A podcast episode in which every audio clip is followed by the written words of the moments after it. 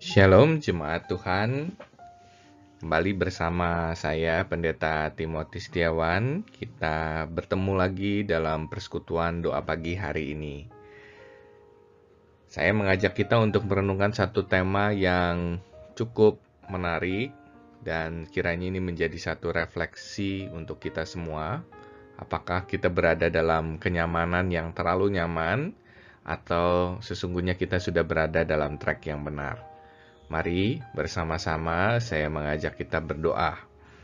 Bapa dalam surga, hari ini kami kembali hadir untuk bersama-sama bersekutu, merenungkan firman Tuhan, memperkaya kami untuk menjadi pribadi yang lebih baik lagi. Firman Tuhan yang mengajarkan kami tentang kebenaran, kiranya memampukan kami bisa hidup seturut dengan kehendak Tuhan. Saat ini ya Bapa, kiranya Roh Kudus menolong kami supaya kami bersama-sama boleh mengerti apa yang hendak disampaikan dan kami dapat melakukannya dalam kehidupan hari lepas hari. Terima kasih ya Tuhan, hanya dalam nama Tuhan kami Yesus Kristus kami berdoa. Amin. Saudara-saudara, pembacaan firman Tuhan dari Efesus 5 ayat 15 sampai 17. Demikian firman Tuhan. Karena itu perhatikanlah dengan seksama bagaimana kamu hidup. Janganlah seperti orang bebal, tetapi seperti orang arif, dan pergunakanlah waktu yang ada, karena hari-hari ini adalah jahat. Sebab itu janganlah kamu bodoh, tetapi usahakanlah supaya kamu mengerti kehendak Tuhan. Demikian pembacaan firman yang diberikan kepada kita hari ini.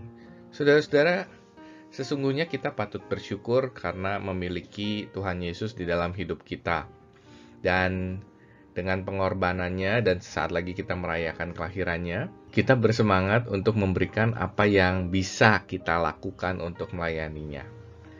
Dan tidak bisa dipungkiri jika di awal-awal kepercayaan kita atau masa-masa kita menjadi orang Kristen, semangat kita begitu menggebu-gebu. Tetapi Seiring berjalannya waktu, semangatnya membara pelan-pelan meredup. Relasi yang tadinya hangat dengan Tuhan kemudian sedikit beku dan kerinduan untuk memperdalam iman agar hidup untuk menjadi berbuah yang harusnya fokus itu mulai memudar. Rindu lagi tapi tidak sekuat dulu. Nah, jadi dalam kesempatan ini apalagi juga ketika kita menghadapi situasi pandemi, mari kita melihat apakah sesungguhnya kita sudah dalam kondisi zona nyaman. Dan kalau kita dalam kondisi ini, mari cepat-cepatlah kita kembali ke track yang benar.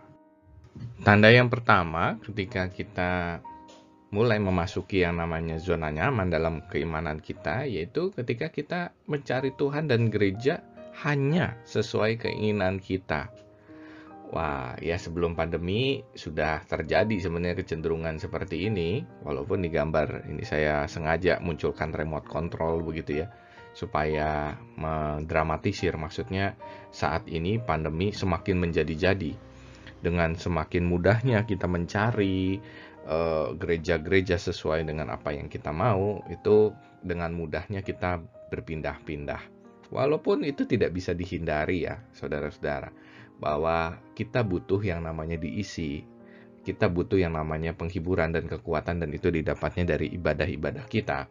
Namun, ketika kita ini menjadi lupa apa menja e, menjadi mengabaikan sisi untuk tetap bertahan di dalam komunitas lalu melampaui zona nyaman untuk bisa berbagi hidup satu dengan yang lain ini adalah sesuatu yang harus kita waspadai ada kalanya kita juga harus menyadari bahwa kita datang beribadah itu memiliki satu motivasi sebagai seorang penyembah. Gak salah ketika seseorang itu datang ke gereja dengan motivasi saya ingin mendapatkan kekuatan, ingin berdoa secara kusuk di gereja. Tidak salah, uh, itu adalah sesuatu yang baik juga. Namun kalau hanya itu yang menjadi motivasi kita beribadah selalu ber, menjadi motivasi kita beribadah, maka ada yang salah dengan motivasi kita itu. Kenapa? Karena sepanjang minggu di tiap harinya Tuhan sudah memberikan banyak hal untuk kita. Tuhan sudah memberikan kekuatan, Tuhan sudah memberikan berkatnya untuk kita. Maka sesungguhnya kehadiran kita untuk beribadah harus dibarengi dengan satu sikap yang menyembah secara tulus. Walaupun di dalam sikap penyembahan itu yang akan didapat lebih dari apa yang kita beri. Namun janganlah itu menjadi motivasi yang awal ketika kita datang ke gereja. Nah, hal ini harus kita waspadai, saudara-saudara. Ketika kita mencari Tuhan dan gereja hanya sesuai dengan keinginan kita, maka ada yang salah dengan keimanan kita. Apakah kita mau mendengarkan firman Tuhan yang baik-baik saja, atau yang menyenangkan hati kita saja yang membuat kita senyum-senyum sendiri, ketawa-ketawa terus, dan lain sebagainya? E, bagus kalau ilustrasinya cocok untuk pengembangan kerohanian kita. Kalau tidak, ya kita harus juga mewaspadainya. Lalu yang kedua, kalau kita sebagai orang Kristen, namun orang-orang di sekitar kita, bahkan keluarga kita sendiri, tidak melihat kita sebagai orang Kristen. Gak ada bedanya kita hidup dengan orang lain. Jadi buat apa kita jadi orang Kristen? Nah, sebagai orang Kristen kan kita dipanggil untuk tidak menjadi serupa dengan dunia. Artinya, kita tidak sekedar hidup mengikuti standar apa yang diterima oleh dunia, tetapi memandang pada teladan Tuhan Yesus dan melakukan apa yang benar di matanya. Maka saudara-saudara ini adalah tanda yang kedua kalau ada orang lain yang melihat kita ke orang Kristen kelakuannya seperti ini, tidak ada bedanya dengan orang lain yang tidak mengenal Tuhan, maka waspadalah dengan keimanan kita. Kedua, yang ketiga, ketika memilih-milih ayat adalah bagian untuk membenarkan tindakan diri sendiri. Gak ada salahnya untuk mencari penghiburan dan kebenaran di dalam firman Tuhan, tapi kalau kita hanya mencari-cari ayat untuk membenarkan tindakan-tindakan kita, entah itu membalas kejahatan dengan kejahatan, kita cari-cari ayatnya, lalu menegur orang lain, kita cari-cari ayatnya, padahal kita sendiri tidak bisa menghidupinya, maka sesungguhnya kita tidak bisa memberi ruang kebenaran yang lebih keras untuk berbicara pada hidup kita sendiri. Sehingga apa yang kita baca itu kita pakai untuk menyerang atau menjatuhkan orang lain dan hanya membenarkan tindakan kita sendiri. Nah, ini adalah hal yang membahayakan, maka harus kita waspadai. Yang ketiga adalah kita kita tidak terlalu peduli dengan kebutuhan mereka yang berkeyakinan lain. Kita hanya mau peduli dan care kepada mereka yang satu keyakinan dengan kita, kita lupa bahwa ketika kita dipanggil sebagai murid-murid Kristus, kita harus mengabarkan Injil kepada mereka yang belum mengenalnya.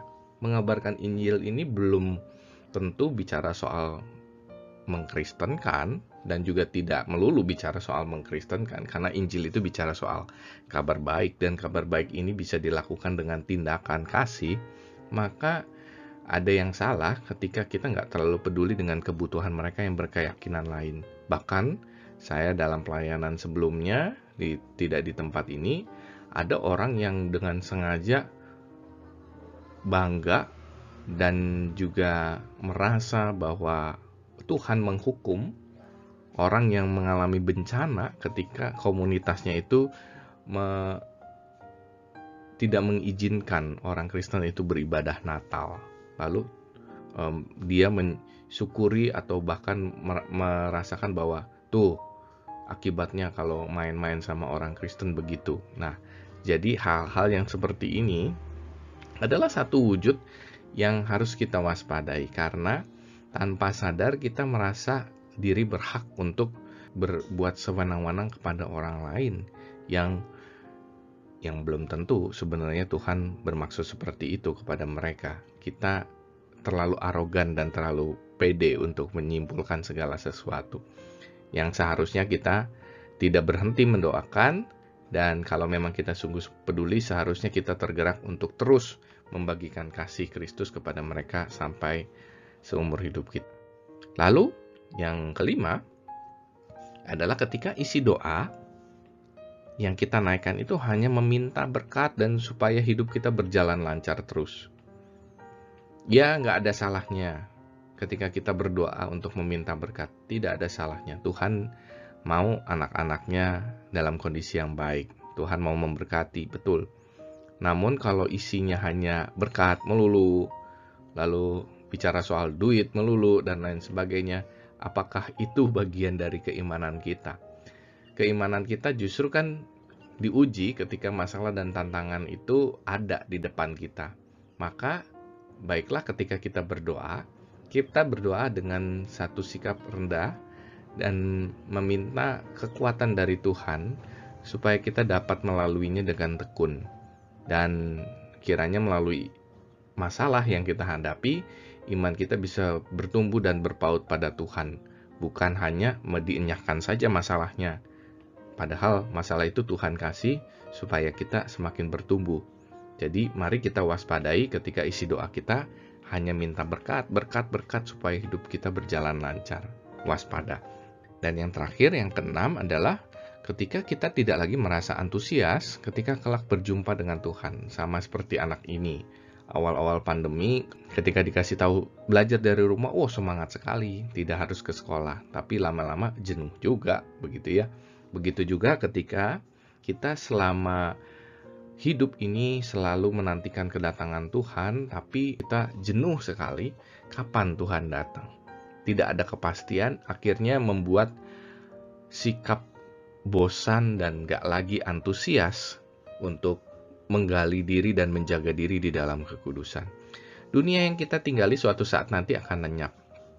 Tapi tempat yang Allah sediakan bagi kita kelak adalah tempat yang kekal. Marilah kita berdoa agar hari-hari yang kita jalani memperdalam kerinduan kita kepada Dia, Sang Pemberi hidup. Maka saudara-saudara, itulah enam tanda yang harus kita waspadai dalam keimanan kita, kehidupan kekristenan kita. Kalau kita sudah mengalami keenam hal tersebut, maka kita minta kepada Tuhan untuk kembali mengajarkan kita bagaimana hidup seturut dengan kehendak Tuhan. Amin. Mari kita berdoa. Ya Tuhan, terima kasih untuk berita firman Tuhan yang kami dengar saat ini. Kiranya keenam tanda ini menjadi satu peringatan dan kewaspadaan bagi kami untuk hidup di dalam kehendak Tuhan supaya kami mengingat kembali apa yang seharusnya kami lakukan di dalam kehidupan beriman kami. Tidak mudah ya Tuhan menjalani kehidupan beriman di tengah masa-masa ini, masa-masa sulit ini, namun kiranya roh Tuhan memampukan kami semua untuk bisa kembali dan memiliki semangat untuk menjaga kualitas hidup kami.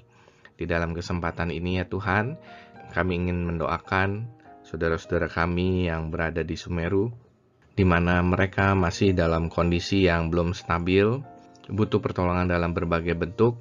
Kiranya Tuhan menolong mereka untuk tetap kuat dan bertahan dalam situasi yang tidak nyaman.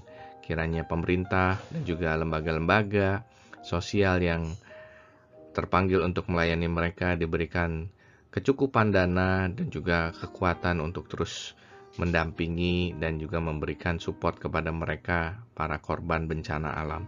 Ya Tuhan, kami juga berdoa supaya penyebaran pandemi ini dapat dikendalikan, khususnya ketika kami mendengar berita bahwa ada varian virus baru yang lebih cepat menyebar, dan kami juga melihat banyaknya orang yang sudah mulai abai, abai dengan protokol kesehatan. Kiranya Tuhan menolong supaya kami tetap waspada, tidak lalai terhadap apa yang seharusnya kami juga waspadai. Tuhan menolong supaya kami bisa melalui ini semua. Terima kasih ya Tuhan. Saat ini kami akan kembali kepada tugas tanggung jawab kami masing-masing. Tuhan menolong dan menyertai setiap kami. Di dalam nama Tuhan kami Yesus Kristus kami berdoa. Amin.